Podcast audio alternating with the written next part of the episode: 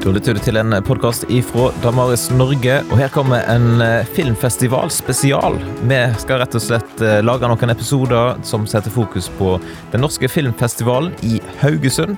For der eh, reiser vi ifra Damaris Norge. Her er dagens episode.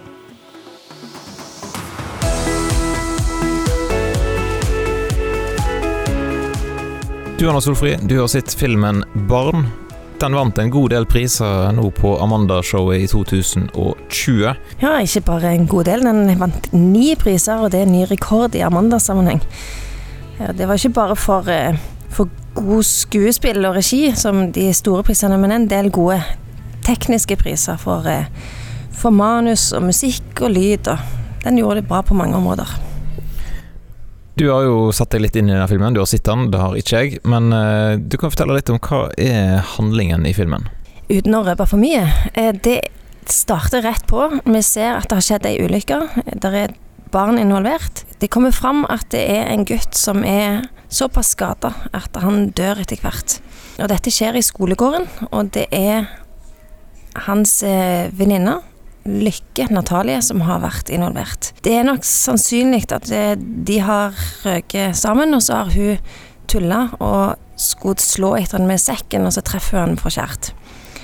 Eh, men selvfølgelig ligger det mer bak denne historien enn bare ei ulykke. Betyr det f.eks. noe at eh, begge deres fedre er profilerte politikere fra forskjellige fløyer?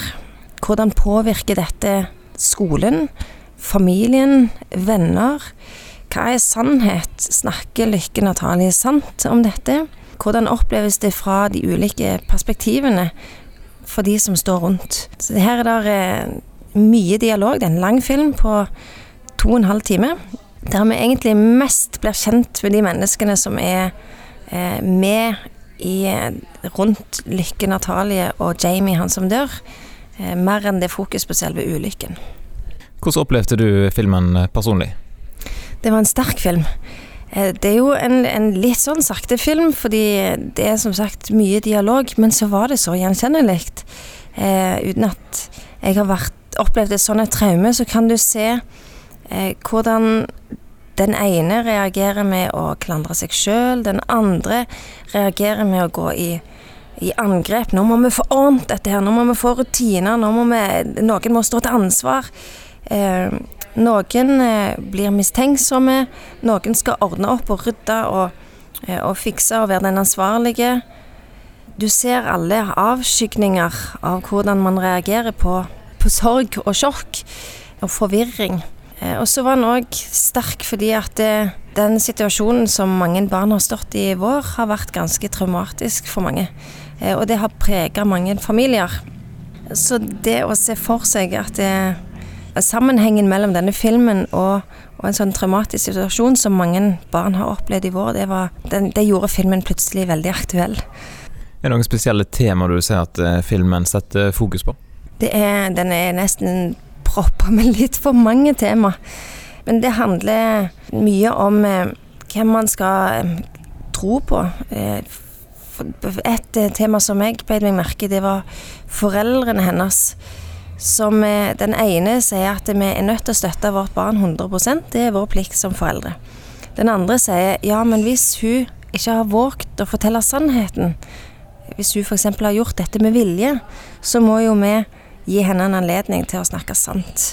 Så det at det, eh, en situasjon ikke alltid er helt sånn svart-hvitt, eh, syns jeg han setter et eh, ja, gir veldig gode bilder på.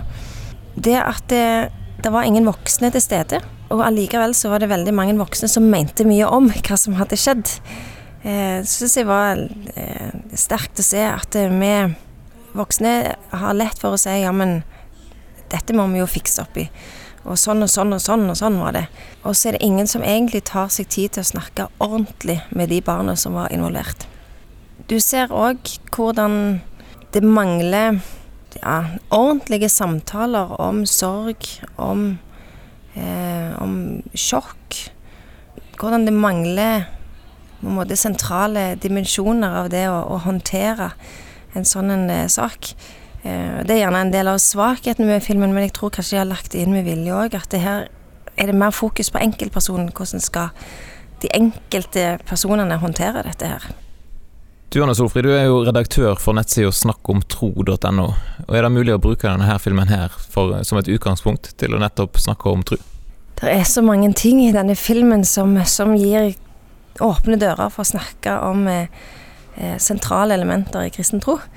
Eh, aller først så vil jeg jo anbefale filmen. Det er en eh, ja, to og en halv time med en, en, film med mye snakking. Kan høres lenge ut, men det var, eh, ja, det var en sterk film. Eh, og ikke minst så syns jeg han åpner dører for å snakke om, eh, om håp. Hva er det som gir håp eh, når, man, eh, når livet er tungt? Når det skjer uventa ting. Den åpner for å snakke om, eh, om fellesskap. Hvordan vi trenger hverandre.